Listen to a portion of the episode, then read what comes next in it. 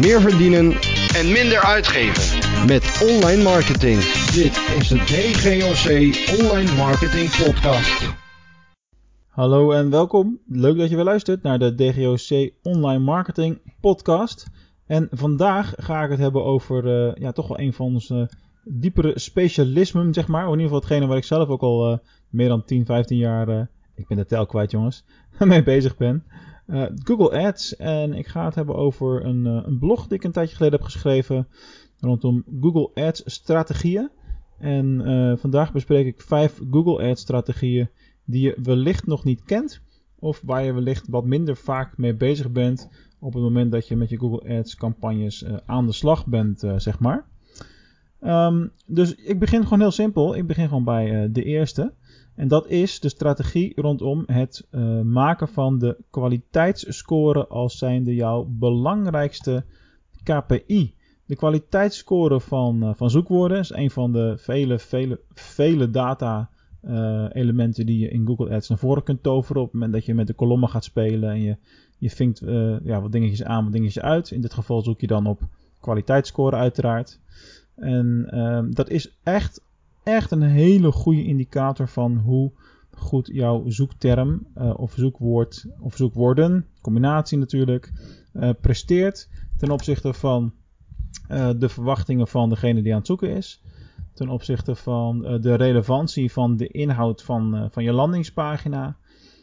Ja, en gewoon het, het gebruikersgedrag, zeg maar, daarbij. Hè? Dus laten we daar eventjes bij, bij stilstaan.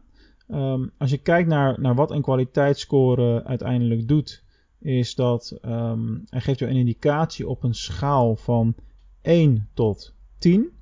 En daarbij ja, krijg je eigenlijk simpelweg te horen van oké, dit is het rapportcijfer wat je voor het zoekwoord krijgt. Ik probeer eigenlijk, dat is niet altijd mogelijk, afhankelijk van de situatie ook van je klant bijvoorbeeld, maar ik probeer eigenlijk altijd te gaan voor een 8 of hoger. Want dan weet je gewoon dat de relevantie supergoed is en dat de, de, de landingspagina goed aansluit op uh, de zoekvraag van degene die aan het uh, zoeken is geweest. Um, ja, en die, die elementen die uh, hebben allemaal zo hun eigen rol. Dus stel dat iemand op de landingspagina van jou komt en na de zoekopdracht en hij is gelijk weer weg of hij drukt, drukt vrij snel en dat gebeurt bij heel veel bezoekers op de terugknop. Uh, ja, dan is het dus niet relevant genoeg en dan um, sluit het niet helemaal lekker aan. Nou, op het moment dat je zo'n zoekwoord tegenkomt, zo'n zoekterm tegenkomt in je onderzoek hierbij, dan is het gewoon verstandig om in de huid van de gebruiker te kruipen. En om uh, eigenlijk gewoon te doen alsof jij de consument bent.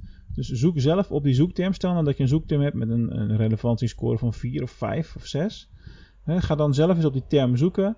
Kijk naar uh, de zoekresultaten van je collega's. Dus wat, wat, zien, wat zie je bij andere partijen? Uh, hoe sluit dat goed aan op die zoekvraag? En wat zie je bij, bij jouw zoekresultaat? En dan 9 van de 10 keer zie je vrij snel toch wel een hele duidelijke verklaring en een hele duidelijke reden waarom het niet helemaal lekker aansluit. Dus bijvoorbeeld als je zoekt op uh, witte sokken uh, en jouw landingspagina heeft niet alleen witte sokken, maar ook zwarte en gekleurde en dames en heren, alles door elkaar. Nou, dan raak je de relevantie vaak kwijt. Dus dan zul je zien dat andere partijen wel een landingspagina hebben met alleen witte sokken en de keuzes daarin. Ja, en dan mis je hem natuurlijk. Dus dat is één. Een van de strategieën die nog te veel blijft liggen bij veel partijen. Of waar te weinig mee gedaan wordt in elk geval. Uh, dan hebben we de nummertje twee. En dat is het besparen van geld door gebruik te maken van een Google CSS partner. Um, op het moment dat de, nu nieuwe Google Shopping campagnes worden opgebouwd, zie je heel vaak dat die stap, het werken met een CSS partner, wordt vergeten, gek genoeg.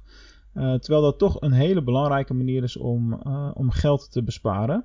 Het is natuurlijk een tijdje terug uh, hot geweest op het moment dat uh, ja, Google een enorme boete moest betalen omdat ze met Google Shopping een, ja, niet helemaal een eerlijke positie hadden ten opzichte van andere prijsvergelijkers zoals een beslist of vergelijk of kieskeurig. maar goed, de feiten zijn, als jij rechtstreeks in Google Shopping je producten inlaat en je werkt niet met een CSS-partner, dan zijn jouw biedingen effectief eh, 20% lager dan wat je daadwerkelijk biedt. Want Google Shopping rekent die 20% als vergoeding voor gebruikmaking van hun, uh, ja, van hun tooling, van hun platform, zeg maar. Ehm, ja, en bij andere partijen zijn die vergoedingen vaak ofwel afwezig of heel veel lager in elk geval. Uh, dus sluit je aan bij een van de vele CSS-partners, uh, want dan wordt er uh, ja, 100% van jouw bieding ook daadwerkelijk gebruikt voor de veiling en dan zul je betere posities gaan krijgen. Dus ook een hele belangrijke, simpele strategie in essentie. Dan gaan we door naar de derde. De derde is smart campagnes. Eigenlijk is mijn boodschap super simpel hier. Geef smart campagnes in zijn echte kans. Waarom? Waarom zou je het doen? Nou, allereerst, waarom hebben wij als mensen de illusie dat wij altijd maar slimmer zullen zijn en slimmer zullen blijven dan, uh, ja, dan de algoritmes uh, van, van Google bijvoorbeeld, of de algoritmes van Facebook of waar het dan ook over gaat. dus um, op dit moment is het zo dat je nog wel heel erg goed moet kijken en, en soms is een smart campagne zou kunnen aanzetten om te kijken of die beter presteert dan je handmatige campagne. Misschien kan je een split test daarin doen bijvoorbeeld. En de ene keer zal de smart campagne het beter doen en de andere keer zal jouw zorgvuldig opgebouwde handmatige campagne het wellicht beter doen. Dus dit is het moment om daarmee te gaan uh, testen. Um, alleen ik denk wel dat als je een beetje naar de toekomst toe kijkt, dat er steeds meer gebruik gemaakt gaat worden van allerlei smart campagnes en automatiseringen daarin. Simpelweg omdat het een illusie is om te denken dat wij het rationeel, handmatig zelf beter kunnen doen dan uh, ja, wat de berekeningen van de resultaten zijn van de algoritmes van uh, Google in dit geval. Dus geef smart campagnes een kans, bespaar enorm veel tijd en heb misschien ook nog eens meer succes. Dus laat die niet links liggen. Iets wat nu nog wel heel erg uh, vaak gebeurt. Dan heb ik er nog twee voor je. De eerste is het gebruik maken van de promotie-extensie. Dit is misschien wel de extensie die het meest effectief is en het minst wordt gebruikt. Ik bedoel, we vullen allemaal wel de, de sitelink extensie in en de extensie voor website informatie en uh, de highlights extensie. Dat zijn wel de bekendste. Ja, oké, okay, en locatie, telefoonnummer en zo. Maar voor promoties um, ja, hoef je niet eens een, uh, een specifieke feestdag te hebben. Je kunt hem ook gewoon koppelen aan geen. En dan kun je eigenlijk elke promotie kwijt die jij op dat moment wil, wil gaan, gaan plaatsen. Dus als jij nu een, een, een sale hebt, een summer sale bijvoorbeeld, of een, op het moment dat je dit luistert is dat een, een herfstsale waarschijnlijk.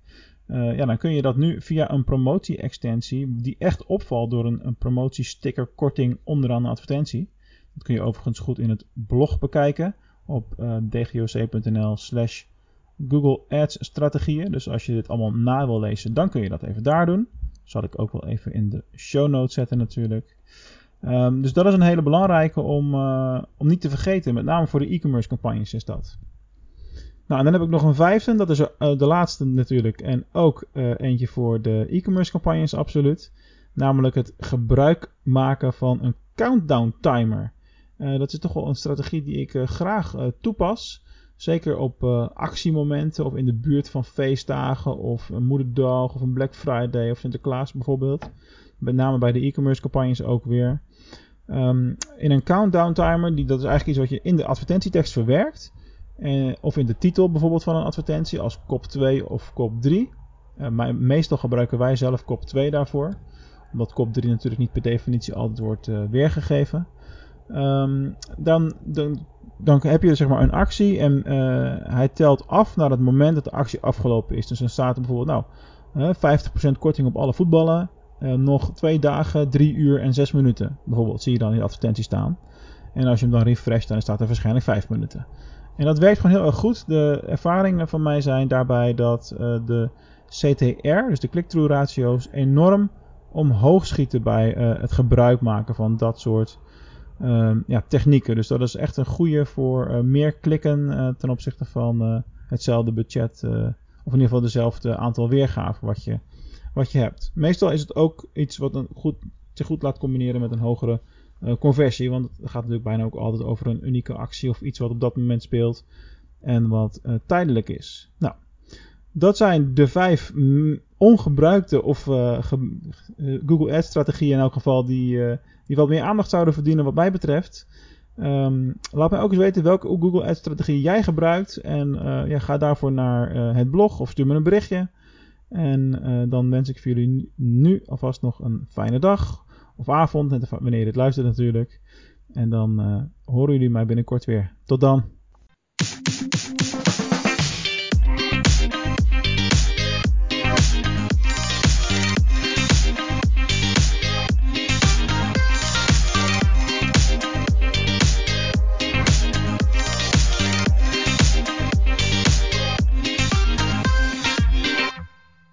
Ben jij ook zo blij met alle online marketing content die we weer aan het maken zijn voor de Online Marketing Podcast? En wil je dat ik daar nog heel lang mee doorga? Nou, dan kun je mij echt onwijs veel helpen door een review te schrijven voor deze podcast. Er zijn al een aantal mensen die dat gedaan hebben de afgelopen tijd. En ik zou onwijs dankbaar zijn als jij dat ook wilt doen. Nou, werk je met Apple Podcasts, luister je via die app, dan is het makkelijk. Ga dan naar schrijf een recensie bij de podcast zelf. En uh, geef dan ook echt een, een, in woorden aan, een stukje tekst aan, uh, wat je van de podcast vindt en hoe ik jou daarmee help. Laat het mij ook weten dat je dat gedaan hebt, dan kan ik je persoonlijk bedanken. Voor andere podcast-apps werkt het weer anders. Een aantal hebben helemaal niks. Luister je bijvoorbeeld via Spotify, wat steeds populairder aan het worden is. Dan is er nog geen optie, maar verspreid dan vooral het woord en deel de podcast met je collega's, met je vrienden en iedereen die verder met online marketing bezig is. Dankjewel en tot de volgende uitzending.